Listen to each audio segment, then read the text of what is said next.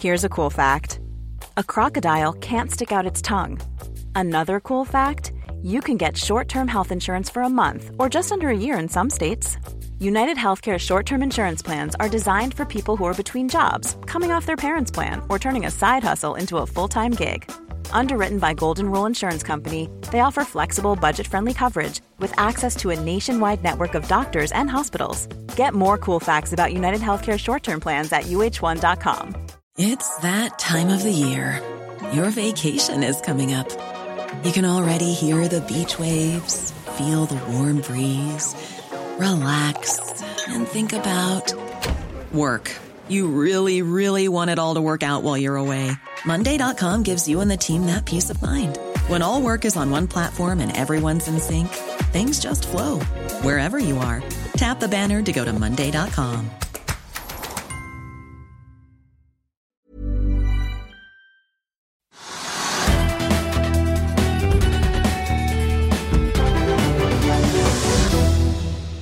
velkommen til Økonominyhetene. Det er tirsdag 15. februar, og vi har noen hovedsaker. Trygve Egnar er selvfølgelig med oss, og vi har med oss investor eh, Nikolai Grove. Vi har også tatt en prat med et par av sjefene som har lagt fram kvartalstall i dag. Det er eh, Christian Prichard i Nortel, og det er Fabian Søbakk i Self Storage Group. Men vi skal også ha teknisk analyse av Vov etter hvert. Eh, vi begynner med et par ting som har skjedd i dag, og vi kan ta med hvem som er vinnerne og taperne. Crayon Group og Strongpoint la fram gode kvartalstall i dag morges. Crayon knuste estimatene, mens Strongpoint også kom med en strategioppdatering som ser ut til å ha falt i smak.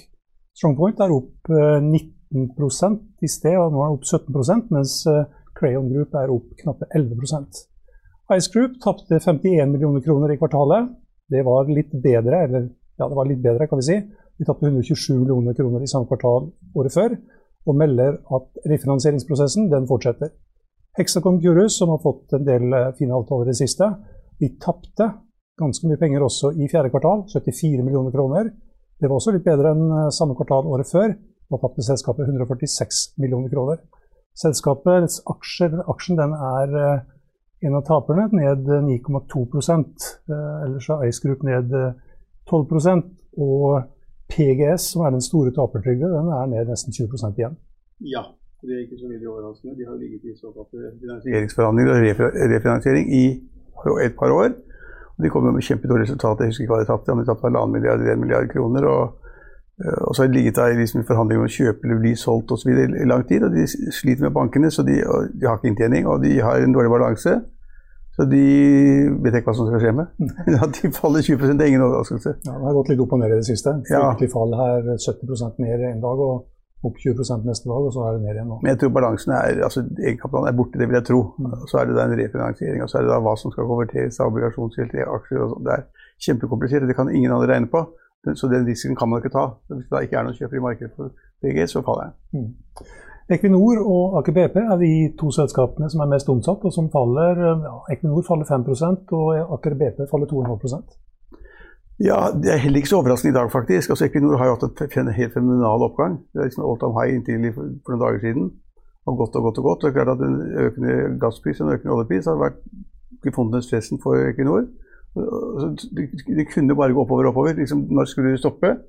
Så lenge da gassprisene økte, økte og liksom de tjente mer og mer penger. og De liksom visste ikke hvor mye penger de tjente. Jeg tror de tjente 130 milliarder i fjerde kvartal. Altså hun tjente ikke omsatte 130 milliarder i fjerde kvartal. Men det som, det som liksom ga et lite sånn støkk i aksjen i dag, det har alle skjønt, det er da liksom plutselig så skjønt at det er ikke sikkert det blir krig mellom Russland og Ukraina likevel. Og ryktene ble satt ut angivelig av Forsvarsdepartementet i Russland om at han hadde begynt å fjerne da troppene fra grensen. Og Det har da veldig mange oppfattet som at sannsynligheten for krig er, er, lavere, og det er helt sikkert riktig. Og Da tenkte man da at da var det kanskje ikke så behov for så mye å ta, ta liksom høyde for å sikre seg på oljesiden, som man ville gjort. Og det hele poenget Hadde det blitt krig mellom Ukraina og Russland, så hadde da eksporten av olje fra Russland stoppet opp i en eller annen form. Det vil si da, at da ville jeg ikke vært i tankpart uh, av aksjer i, i tankselskaper.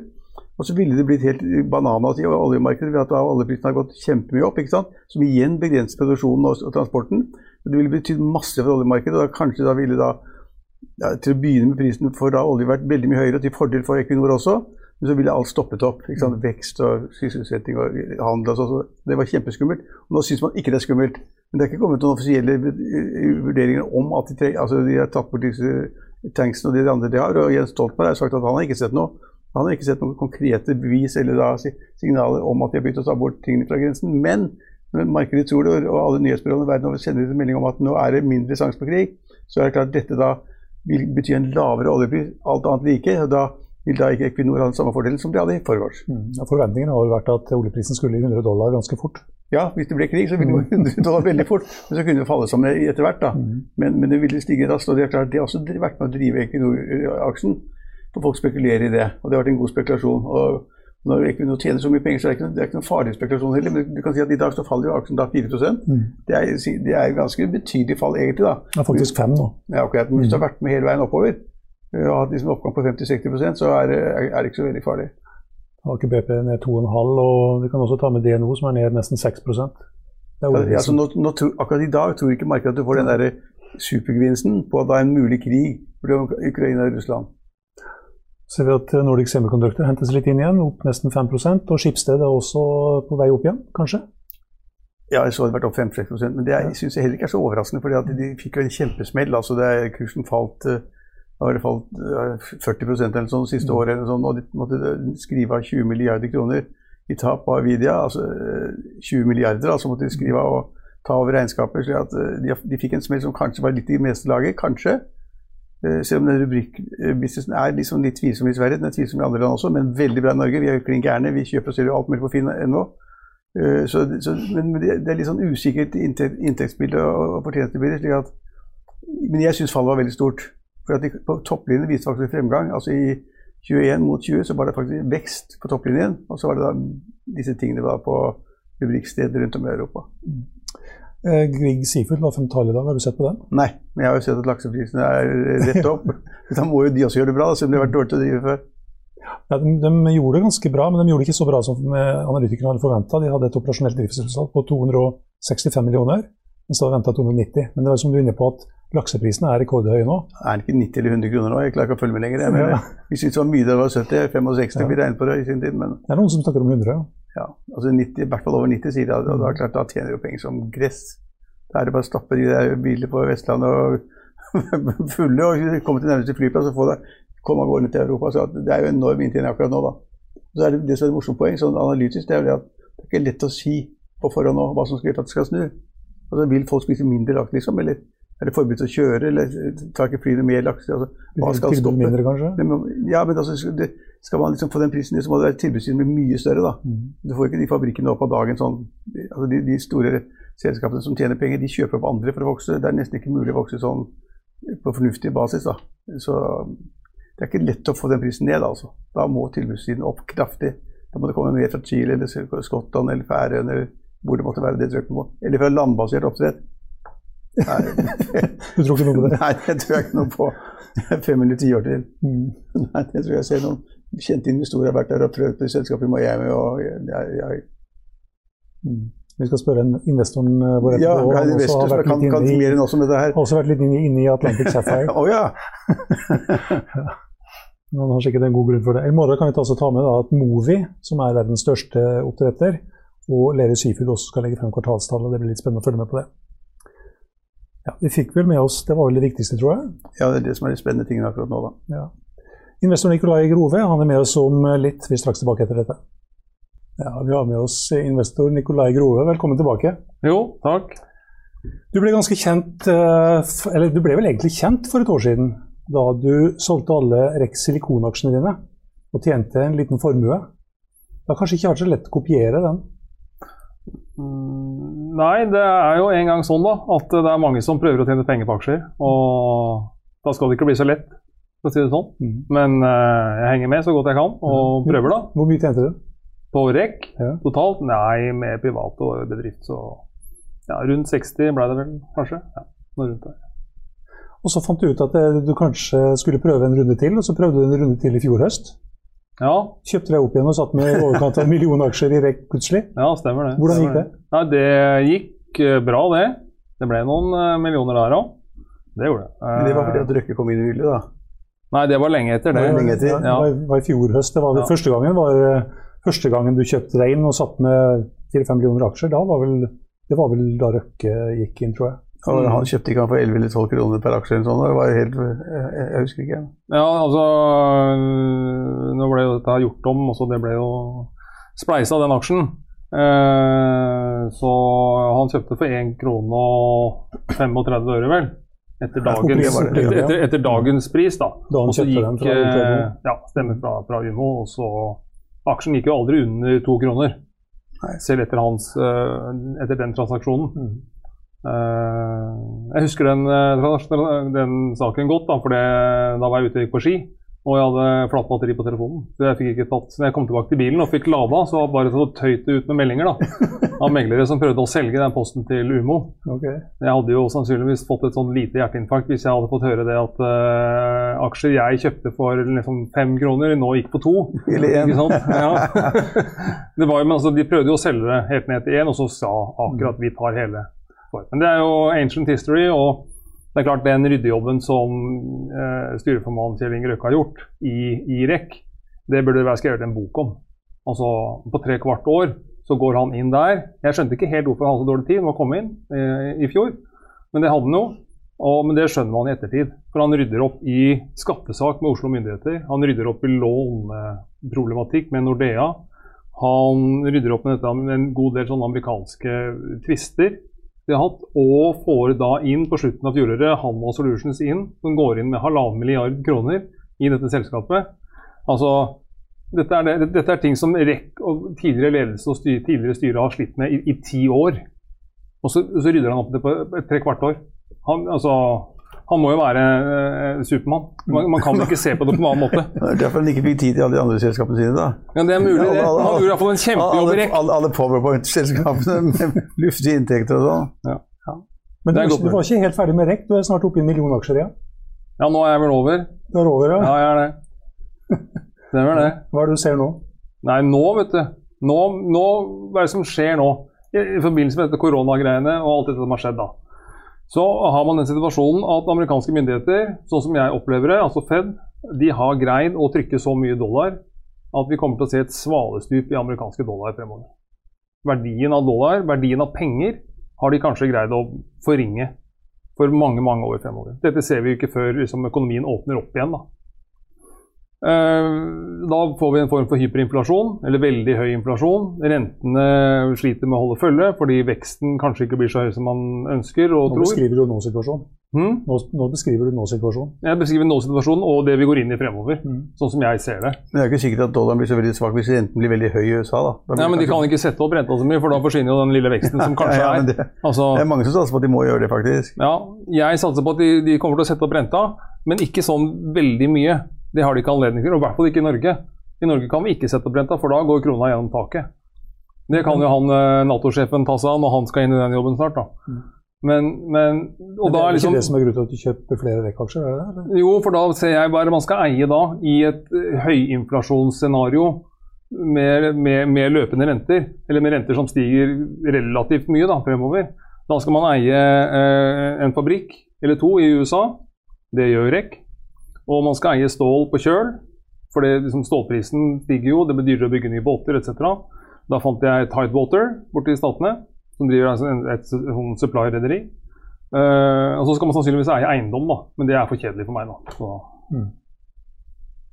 Det er. Frontline også var du inne men det hoppa du fort ut igjen. over. Ja, det gjorde det. Jeg skulle jo kanskje ikke vært så rask på labben der, men, eh, men du gikk ganske høyt ut òg. ja, jeg gjorde det. eller, eller dere gjorde. Ja, men det tank, Tankratene var for 14 dager siden 800 dollar dagen. Ja, Altså, det er det. 800 dollar dagen! Ja. Da hadde jeg fått sammenbrudd hvis jeg hadde hatt aksjer der. Da. Det Ja, hadde ikke, det hadde jeg ikke klart. Nei, og så sitter man der, da, kanskje litt tungt belånt og litt sånn, og så, og så har man en hyggelig gevinst. Og da var det fristende å ta den og dra og stå på ski i stedet, liksom. Så da, da gjorde jeg rett og slett det. Det jeg så, det var at oljeprisen gikk som bare rakkeren, og tankratene falt kraftig. Altså Dette kan være kortsiktige svingninger begge veier, men da er det ganske jævlig å være tankreder. Eh, når bunkersprisen eh, stiger og, og, og fraktratene faller. Da, og du så jo at på Euronav tapte jo en milliard kroner i fjor. Men DHT tapte ikke på langt nær så mye, så de var jo flinkere, da. Mm. Og Frontland er jo kjent for å være sånn noenlunde ryddige i det de driver med. Så Ja, ja, men eieren kan jo tape så mye penger han bare vil, så det spiller ingen rolle. Han er, han er i tank, han i frontline, og da spiller det ingen rolle. nei. Andre folk må passe på pengene sine. Ja, og det er det jeg prøver på. Så, så du var i tank, og så solgte du deg ut Ja. i tide. Ja. Ble en liten, liten gevinst. Jeg trodde nå skal jeg virkelig gjøre en kule i Frontline, men eh, nei, den lot vente på seg. ja. ja, men ja, ja. Det the fact change, så er det om å gjøre å være på labben. Ja, Man må liksom snu seg litt etter hva som skjer, da. Så nå, Det jeg har kjøpt nå, det er da uh, Tidewater i Statene. Som er da et uh, supply-rederi som er restrukturert tilbake i 2017. Uh, et sted mellom uh, underkant av 200 båter. Eh, noen er i opplag, og noen kommer ikke tilbake. og Sånn er det jo i den bransjen der. ikke sant? Eh, det er nå en ting. Jeg har sett på en del av de norske òg, men der er det veldig mye gjeld og mye banker som sitter og Skal Du kjøpe noen aksjer i Solstad Offshore da? Eh, ja, det må ha vært en kort inntreden, tror jeg. det kan jeg ikke huske. du husker ikke? Nei, det kan jeg ikke huske sjøl engang. Ja, det, det kan vi legge fram bevis på. ja, det er greit. Men, men det der, men det der det, Altså, de offshore-siden, serviceselskapene Mm. Altså, Hvor mange båter ligger i Ålesund og bortover der? Bergen og, fra Bergen og nordover. Det ligger fremdeles 100 skip, tenker jeg. Det er lenge siden, lenge siden jeg har vært i Ålesund, men det lå noen der da, ja. Det er Ja. riktig, det. Men det er lenge siden du har vært der, og nå er veldig mange av de på vei ut. Ikke Det mange. er, det er bare å se på stillingsannonser som lyses ut av disse supply-rederiene. Alle, alle skal ha folk. Det er et godt poeng. Ja, alle skal ha folk. Det er liksom 40 stilling, stillingsannonse for kaptein på supplyskip, ja. eller, Ja, og kokk og renholder og ikke sant, hva de ikke skal drive med. Det- det var noe nytt. er jo et svært maskineri. ja, men det, er, men det, er, det ligger jo 100 stykker. Altså, det er jo, det er jo altså Solstad og Mm. alle selskapene de er jo forgjeldet, og det er jo, det er jo långiverne og Ja, det er akkurat det. De bestemmer jo alt, da. Ja, det er akkurat, akkurat det. Og Derfor så fant jeg Tidewater i Statene. Men de fighter jo i samme marked, da. Men det, er klart mindre gjeld og bedre balanse, så får de kanskje jobbe. Veldig, veldig OK balanse, nesten ikke noe gjeld. Uh, etc. Men dette her med, med, med supply og offshore og olje er jo helt off i USA. Det er jo ingen liksom Det har jo ikke noe traction. Så her må jeg gjøre en jobb da, med å få det inn på sånn Reddit-forum eller et eller annet sånt. Så kan dette her bli den nye GameStop. Lurer på tyske, på tyske småsparere. Ja, der aksjonær, han er flink. Med sånn hockeysveis og, og sånn vimpler og sånn. da, vet du, Det liker jeg. Rai og tank og rekk. Ja, Ganske, ganske farvet portefølje, da. Og så har han han glemt at den har 250 000 aksjer i Solstad Offshore. Ja. Du har blitt, du har blitt langsiktig, kanskje? Ja, Det tror jeg ikke jeg har. Jeg har kanskje, ikke kanskje listen, som, Solstad er en listen som er feil. Jeg tror de listene de må være gamle i så fall. Solstad er en sammenslutning av masse selskaper som ikke kunne klare seg alene. Mm. Fikk med seg Fredriksen og Rex eh, og Røkke og masse andre. Det, det er jo helt håpløst forgjeldet. Ingen som klarer å regne på det engang. Nei, og Det er det som er med Norge. ikke sant? Vi har jo ikke en sånn chapter 11-prosess som de har i statene. Og da får man ikke gjort om dette her. Ikke sant? Fordi bankene vil ikke ta tap på liksom stolen, eller hva de kaller det. Altså, de vil ja, de vil ikke ta tap. Eh, mens i USA, chapter 11, da er det Men det, du er så mange forskjellige steder, man, man skal kanskje ikke spørre om det, men, men hva er din investeringsramme? Altså Hvor, mye, hvor stor portefølje, er porteføljen i kroner eller dollar eller hva det er, som du, for, som du driver og trader og forvalter? Ja, det er sånn 50 pluss minus millioner. 50 millioner? Ja. ja. Ja. Hvor det er det raskt ut og inn og Ja, det er, det er litt avhengig. Det er liksom øh, i, den, I den senere tid sant, så har det vært lurt å ta gevinst, da, rett og slett. Jeg er ikke noen sånn spesiell tilhenger av det. Jeg er mer tilhenger av at man selger hvis man tror det skal falle, liksom. Men i, i den siste tiden så har det vært lurt å ta gevinst når man har en OK gevinst. Så tar man den, og så putter man penga i lomma, og så får man finne på noe annet. Eller, eller ta tapet i tide. Ja, Ser ut som du solgte 100 000 Kahoot-aksjer i dag. ja, for noen dager siden, ja. Det stemmer, det. Ja. På 31 kroner, da? Eller? Ja, jeg kommer ut på 33, vel. Inn på 36 og ut på Men det er, 33. Vi har snakket ofte om det er et morsomt interessant selskap av mange, mange årsaker, men, men det er jo råspekulasjon. Ja. Om det går til, om det går fra 33 til 6-37 eller faller til 28-29, det er jo ingen som vet. Nei, de må jo begynne å levere noe tall etter hvert, da. ikke sant? Men Ja, det- eh, Facebook brukte ganske mange år på å tjene penger, de òg. Og det har jo blitt bra til slutt. Så ja, de har bare Kahoot er jo verdenskjent. Altså, De er kjent over absolutt hele verden. De har 1,8 milliarder brukere i kvartalet eller et eller annet sånn helt hinsides tall. Så det er jo liksom, det er jo fantastisk. Gratisbrukere, ja. Ja, ja, men det spiller ingen rolle, liksom. Altså, Om de betaler eller ikke. Altså, Det var veldig fantastisk hvis 1,8 milliarder betalte noen penger. Ja, det det hadde jo vært kjempebutikk. Det er noen som betaler, da. Ja, men, ikke sant? Men, men, men bare det at man er så kjent over hele verden, det har en enorm verdi i seg sjøl. Ja, plutselig så kommer det noen og kjøper hele greia. Men hvor, ja, men ikke, så- ikke den prisen. Hvor, hvor mye Nei, sannsynligvis mye høyere. Og, og kursen på topp? 136, var det ikke det? 100, ja, 132, 136, ja. Stemmer. Og nå er den på 33? 31. Ja, ja ok. Det er, det er jo skummelt, da. Det er skummelt. Det er skummelt hvor ja, da, Det er noe for Tore Aksel Volleberg og de gutta de som er, de har, jo Haugmann Andersen, de har jo nok penger. De kan, de kan spekulere i det, men det er skummelt. ja. 32 kroner og De må jo si at det er skummelt hvis den har vært oppe i 132 kroner. Skal ikke si hva jeg solgte for, men Hva var den? Hva var Du var, for, var, det var det var jo fornøyd med 50 stigning? Jeg tror. Jeg solgte på 132 eller noe ja. Men Tidewater, hvor mye har du investert her i Tidewater-aksjer? ja ca. 1,4 millioner dollar, tror jeg. Ok. Ja, noe rundt det. Og Og I og med at jeg tror dollaren skal tryne, da, så har jeg jo lånt, lånt dette her i dollar. Så jeg har dollareksponering. da. Men du, valuta skal, valuta skal vi ikke diskutere, for det er så vanskelig at det tar vi ikke sjansen på. Vi gir vi aldri råd om det gjelder valuta, men jeg, men jeg har liksom en sånn bakhold ved siden av at hvis, hvis og hvis, altså hvis Fed setter renten kraftig opp, så vi får en toåringen, nei, tiåringen går i to og en halv eller tre eller noe sånt nå, istedenfor litt under to, så vil folk søke etter å ha pengene sine plassert i dollar. Hvis Ja. etterspørselen i dollar øker ganske kraftig, hvis de kan få 3 eller 4-5% rente på pengene sine, Mm. da vil jo dollarkursen gå kraftig opp. og hadde det blitt krig, Nei, da, ja, ja, ja, hva hadde skjedd da? ja. Da det, da, da søker folk alltid dollar. Sikre og trygge. Da går det vekk fra kroner og sånn. går. I krigssituasjonen så øker, så øker interessen for dollar kraftig. Sikker havn. Ja. Men nå er det dobbelt så mange dollar i omløp da, som det var før pandemien. da. Ja, men bruker, altså hvis, du har penger, hvis du har penger skal plassere, hvis du får 5% rente i dollar, på dollar eh, 5 din, Ja, får, det- Da vil du da, da, da, da springer det om det er dobbelt så mye dollarsedler i omløp, da. Når, når fikk du sist 5% rente på en, i en amerikansk bank? liksom? Altså, Nei, nå tok vi det scenarioet hvor det ekstreme ble at altså ja, men da, Hva er inflasjonen da? Da er inflasjonen sånn 13-14 eller 15 eller Hva var den i forrige uke i Amerika? 7,5? 7,5, ja. ja. Det er ganske mye til. Ja, Altså. ja, det er helt hinsides, ikke sant. Altså, men altså, det, det jeg prøver å identifisere, er hvor pengene skal gå. da. Ja. Penger, hvor, altså, vi, vi skal liksom bort fra liksom vekst da, og over i verdiaksjer. Og da mener jeg liksom et, En verdiaksje det er liksom i et høyinflasjonsscenario med en oljepris som bare raser gjennom 100 dollar fatet. Altså Forrige gang stoppa han i 120 et eller annet. Eh, med dobbelt så mye dollar i omløp. Kanskje vi ser oljepris på 150-60 dollar fatet. Eh, Da må det krig først.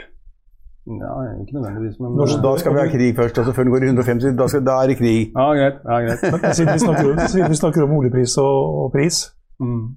eh, dere vet hva den er i norske kroner, eller var i norske kroner i går? Eller i forgårs?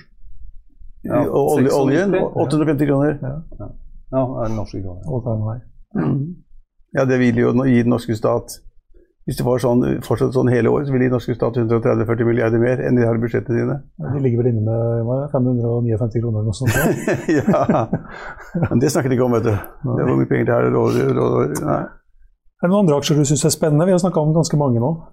Ja, det, det, er jo, det er jo Tidewater og, og REC da, som jeg har kjøpt nå. Mm. Det er klart at Nå har eh, REC fått inn Hanva Solutions som eh, en av de største eierne.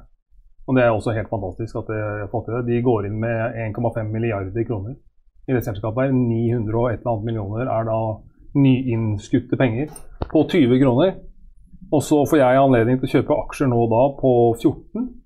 Det, det er jo helt, jeg synes det er helt uhørt. Altså, det har vært litt sånn krakk i noen grønne aksjer og noe Kan du ikke da kjøpe, kjøpe 14 og selge på 20, da, så er du ferdig med det? Jo, men jeg tenker vel sånn Jeg tenker vel sånn Ja, ja, det kan du si. Men jeg tenker vel sånn at når, når REC nå melder åpning av den fabrikken i Moses Lek Nå har de jo penger i massevis, ikke sant? Og eh, det er bare et tidsspørsmål før de gjør det. Silisiumprisen nå er eh, 3-34 dollar kilo. Eh, REC kunne i sin tid produsere på 8, eh, men nå er jo strømmen mye dyrere borte i staten òg. Eh, så la oss si at de kan produsere på 12, da, for å ta et tall. Altså det, det, er en, det er jo en enorm oppside Eh, Men hvorfor tar det da så lang tid før den åpner den fabrikken? Jeg tror vel de venter på denne pakka til han Biden, eh, denne Build Back Better-greia, som er nok en sånn pakke som USA ikke har råd til.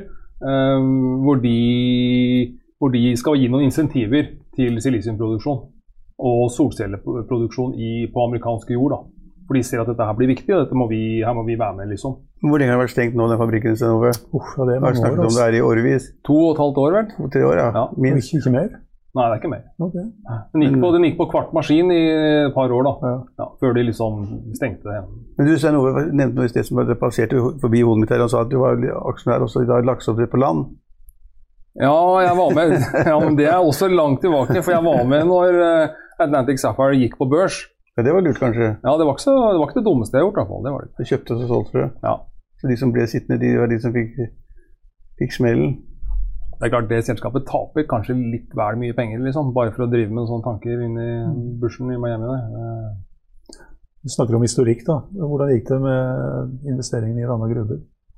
Jo, Rana Gruber, ja. Det var jo festlig. Jeg dro jo til og med til eh, Rana og besøkte de og eh, lagde video og greier som jeg la ut på YouTube. Og mange tusen som har sett den, vet du. Så jeg putta 50 millioner inn i det gruveselskapet og fikk eh, Det var jo fantastisk utbytter. Jeg fikk jo nesten to millioner i utbytte. Og endte opp da med liksom ca. 160 000 kroner i gevinst. Ble liksom totalregninga. da. 160 000. Ja. Ja, det var én middag, det. Da har du veldig dyre middager, Trygve. Så høy er ikke inflasjonen i Norge ennå. Mange gjester på teaterkafeen. Mm. Så det ble jo kanskje litt mye bråk og lite ull, men eh, det var morsomt da, og det var artig å besøke altså gruveindustri. Jeg har liksom lurt litt på hva det er. Og det å få se installasjonene, se fabrikken, se liksom den der crusheren med tog som går ned til havna. altså Se at de fyller opp en uh, sånn handysize uh, som lå på brygga der, og litt sånn forskjellig. Det er ganske festlig.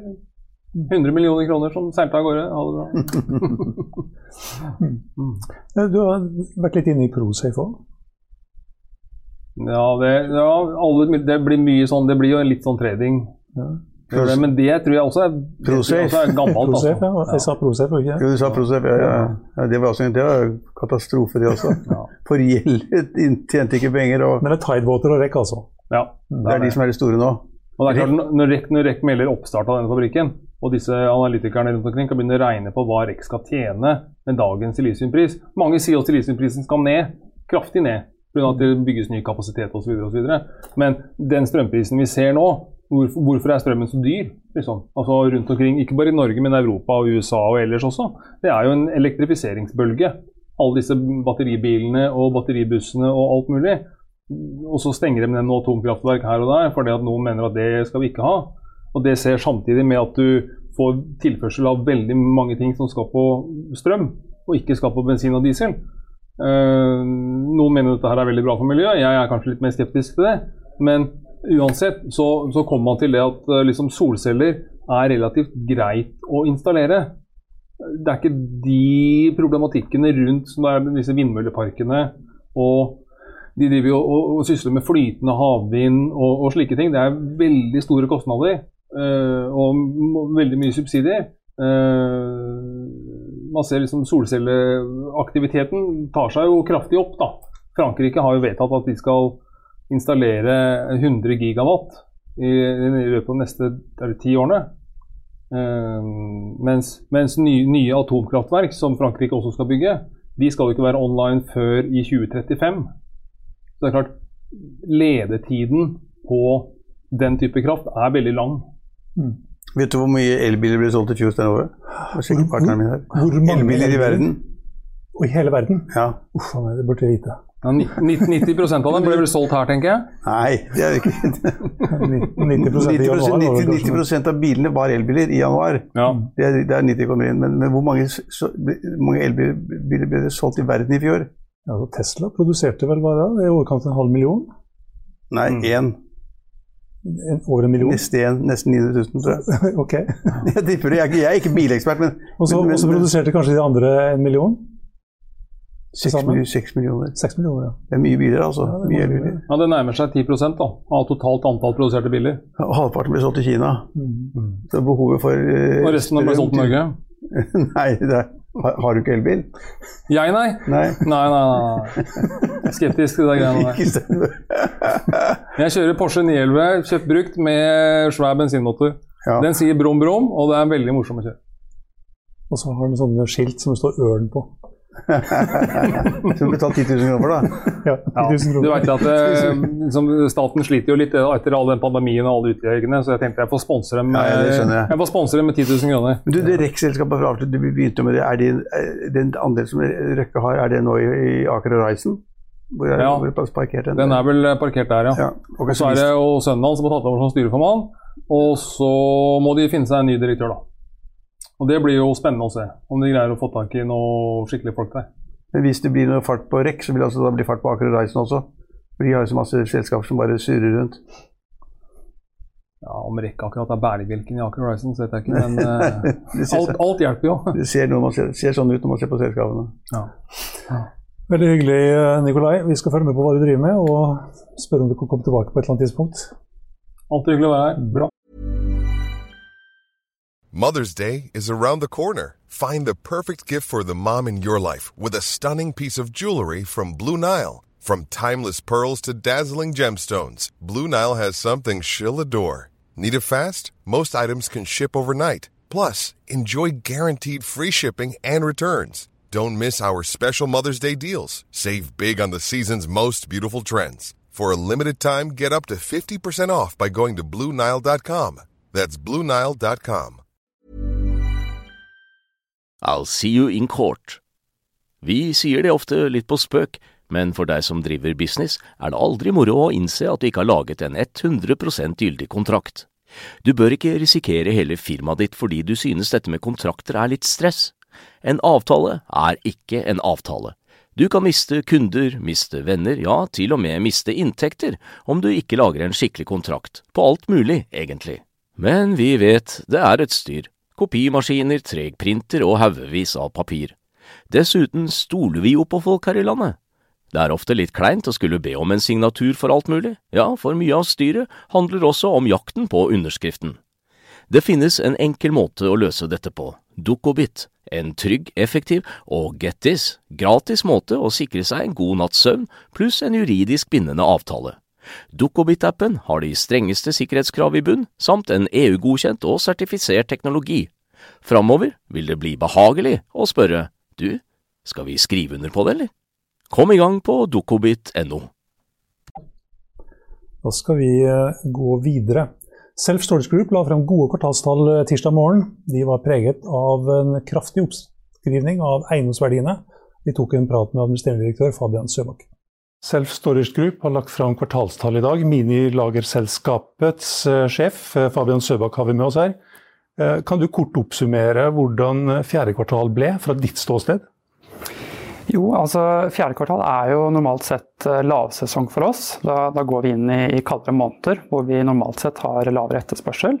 Eh, og, og Det som er veldig gledelig, er at vi har klart å, å, å holde, holde target på, på 90% occupancy eh, i kvartalet.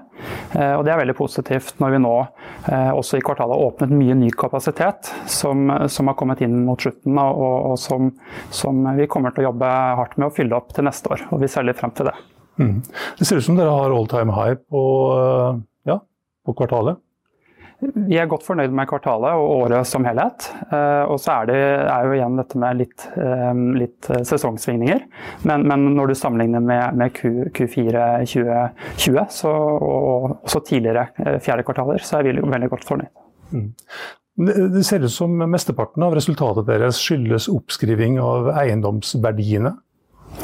Altså, eh, det er klart eh, yield- yield-nedgang i, i, eh, i logistikk- og lagermarkedet gjennom 2021 har jo påvirket våre eiendomsverdier.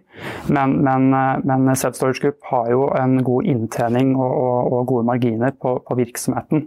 Og det er jo der vi er fokusert. Og så, og så vil jo eiendomsverdiene komme når vi, når vi gjør en, en god, god jobb med drift og, og alt det andre som skal til for å, for å lykkes. Hvordan vurderer dere eiendomsverdiene? Altså, eh, sånn som vi ser på de nå, så, så føler vi at vi er, er, eh, Vi har tidligere ment at de har vært noe konservative, eh, men, men, det er klart nå har man hatt en liten GIL-nedgang. Og vi føler vel at det, det man har sett av, av, av, av endring i, i, fair value på eiendommene, på en måte reflekterer den, den, porteføljen vi har bygget opp over tid. At det er sentrale, gode eiendommer som, som er attraktive i, i markedet. Er det vanskelig å finne nye utleieeiendommer som uh, nå i disse tider, eller er det det har alltid vært utfordrende, og det er det hele tiden. Eh, så eh, du kan si vi må, vi må lete litt mellom der hvor boligaktørene leter, og der hvor på en måte andre aktører ikke, ikke ser, ser potensial i eiendommer. Vi kan ikke konkurrere mot, mot boligeiendom, men vi kan f.eks. finne attraktive eiendommer langs med hovedfartsårene, hvor det er mye støy, og hvor man ikke kan etablere eh, bolig, eller, eller, kontor ikke er attraktivt. Mm. Det ser ut som leien per kvadratmeter var litt ned i fjerde kvartal. Kan du si litt om det? Ja, altså nå holder det seg rimelig stabilt. Det er en liten nedgang. Eh, vårt fokus har jo vært å, holde, holde, occupancy oppe, eh, og det har vi, har vi klart. Eh, og, vi faser inn mye kapasitet inn i, i, i markedet. Eh, for oss er det viktig å, å holde, holde, godt belegg. Eh, gjøre tjenesten eh, tilgjengelig for enda flere. Og så har vi et potensial på pris. Nå vi jo, ser vi at det er en, en, relativt høy KPI nå i år. Det kommer til å påvirke pris, prisnivåene våre fremover.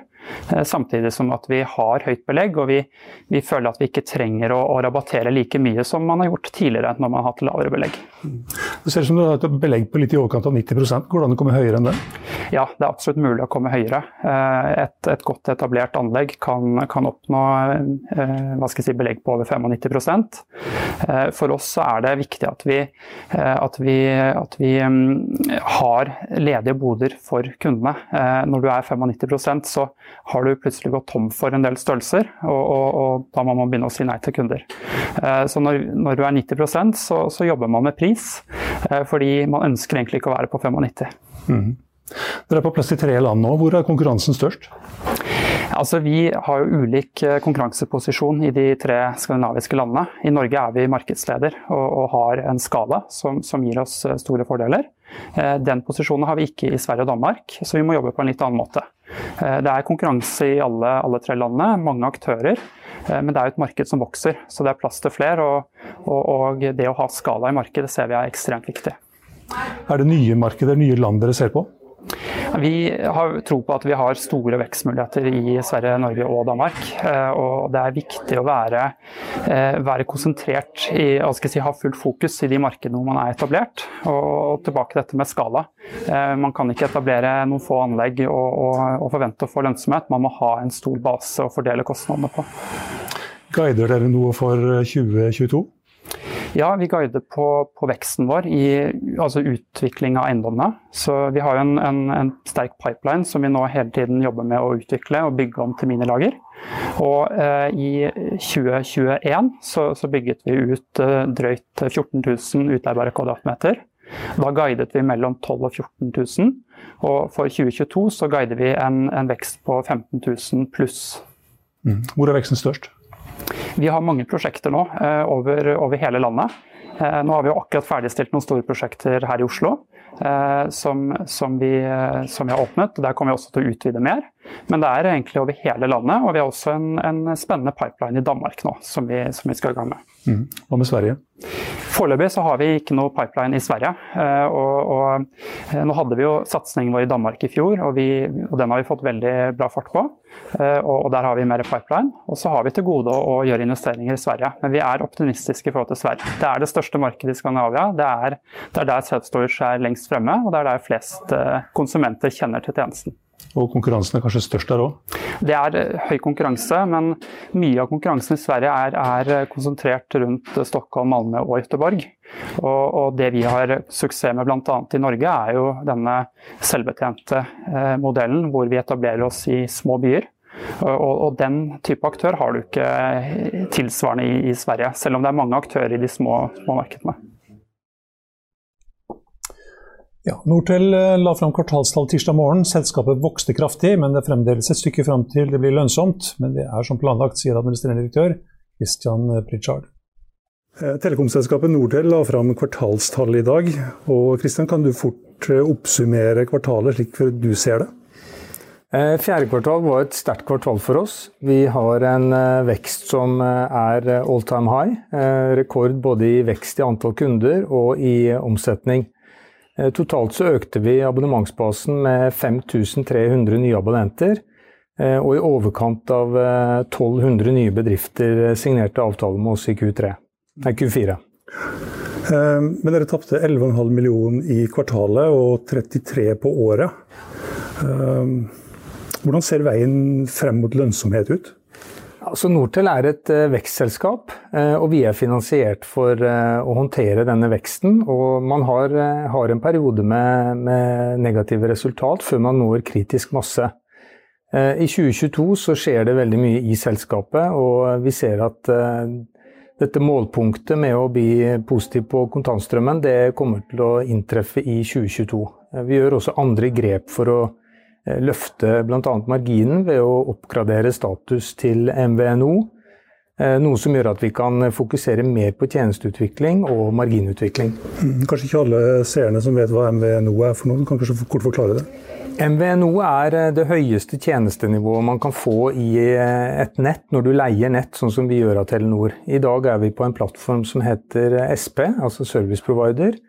Eh, og som MVNO så trekker du deler av tjenestene ut, men vi benytter fortsatt 100 av Telenors nett. Men vi kan bygge da tjenester og produkter rundt nettjenesten til Telenor. Mm. Eh, inntekt per bruker gikk litt ned i kvartalet, eh, fra 390 til 369 kroner. Hva, hva forteller det? Nei, Det er egentlig en normal justering som vi har sett på sesongene tidligere. Og eh, nå er jo Arpun egentlig helt uten roaminginntekter, altså bruk i utlandet. Og vi forventer også at vi skal få normalisert Arpun når roaminginntektene tar seg opp utover i 2022. Gjentagende inntekter? Ja, og på utenlandstrafikk. Den har jo vært helt fraværende. Og den, eh, den, er jo normalt betydelig høyere enn den har vært gjennom pandemien. Så vi forventer at uh, Arpun skal stabilisere seg noe høyere enn det han ligger nå. Mm. Gjentagende årlige inntekter? Eh, gjentagende månedlige inntekter. Inntekter. Ja. ja. Mm. Uh, det kan ikke være et uttrykk for at dere vokser fort, da, at inntekten per bruker går litt ned? Er klart Når abonnementsbasen blir større, så får du en litt annen dynamikk i basen og miks av ulike pakker. Men klart vi, vi, selger jo mye av eh, det vi har kalt grenseløs, som er et fribruksabonnement, eh, hvor Arpun er noe høyere. Men det er klart når basen blir større, så vil du få en større miks av de ulike abonnements- og prisplanstrukturene. Så, eh, så det her er en helt normal og grei utvikling. Kontantbeholdningen ble sånn stort sett halvert i fjor. Eh, er du bekymra for det? Nei, eh, det er jeg ikke. Vi har også lagt en god plan på det. Og vi, vi, vet at denne veksten koster. Og vi har også gjort en eh, finansierings... En rammeavtale med DNB i forhold til å få ytterligere finansiering og likvider til å stå denne veksten helt ut til vi er cash-positive. Mm. Dere baserer dere på Telenor-nettet, som du sa. Hva er det dere tilbyr kundene som ikke de kundene kan få hos Telenor? Nei, altså, Duopolet er jo stort. De kontrollerer 90% av markedet. Og det å komme inn som utfordrer og tilby mer skreddersøm, eh, bedre priser Vi ligger jo langt bak de andre nordiske landene i, eh, i, på, på, kostsiden. Altså, vi betaler mye for tjenestene i Norge, og innholdet i pakkene er ofte lite. Det vi har gått inn og gjort, er at vi har eh, tilbudt større pakker, lavere priser, og så løfter vi service og servicekonseptene våre til et annet nivå, slik at kundene skal bli godt ivaretatt. Og tjenestene skal følge deretter med innovasjon og god utvikling. Eh, guider dere på noe for eh, inneværende kvartal og inneværende år? Vi er veldig forsiktige med å guide, men som jeg sa innledningsvis, vi er et vekstselskap, og i 2022 så skjer det mye spennende. Ja, Dere tredobla i, vel i 2021? Det stemmer. Så en solid vekst gjennom året, og det viser at forretningsmodellen fungerer. Vi har en skalerbar forretningsmodell som gjør at vi kan uh, trykke ytterligere på. Uh, så selskapet er rigget for et veldig spennende 2022. Dere inngikk en såkalt avtale, markedspleieavtale med Sparebank1 for en måned siden. Har den fått begynt å virke? Ja, og det var egentlig en avtale for å få aksjen eh, mindre volatil. Altså det å unngå hopp og sprett på kursen eh, og få mer trading på aksjen. Eh, vi er jo en av veldig mange selskaper som har notert, notert seg på vekstbørsen Euronext Growth de siste årene. Men vi ser at interessen er bra, og, og det er jo en aksje som, som i, et, i, et, segment som er relativt modent. Men når vi kommer inn i telekomsegmentet med innovasjon, vi utfordrer to giganter, så er det med på å skape interesse. Mm. Aksjekursen er vel ned sånn rundt 10% fra dere inngikk denne avtalen. Er det som forventa? Ja, det er som forventa. Vi må se, se, på det her på et langt, langsiktig perspektiv. Eh, dere valgte å notere selskapet som du sa på Euronex Growth for 15 eh, måneder siden. Ville du gjort det igjen? Definitivt. Eh, det å komme på børs det gir eh, helt andre rammer å jobbe under. Og en annen ting som er positivt med å være på børs, er jo at vi trygger det markedet vi skal inn og konkurrere i. Når du er på børs, så må du rapportere tall, du må eh, oppføre deg, og du må ha, du må ha struktur i rapporteringsstrukturen din i selskapet. Og det er med på å trygge kundene vi skal inn og, og ta. Ja, det var det vi hadde for i dag, men vi er tilbake igjen i morgen klokken 14.30. Håper du følger med oss igjen da også.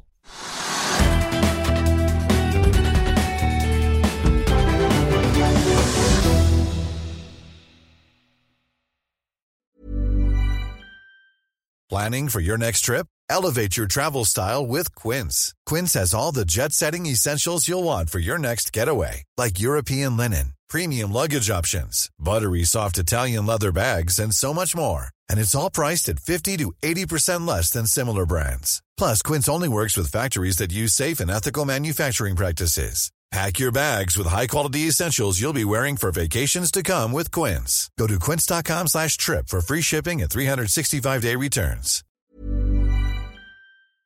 Økonominyhetene er en podkast fra Finansavisen. Programledere er Marius Lorentzen, Stein Ove Haugen og Benedikte Storm Bamvik. Produsenter er Lars Brenden Skram og Bashar Johar.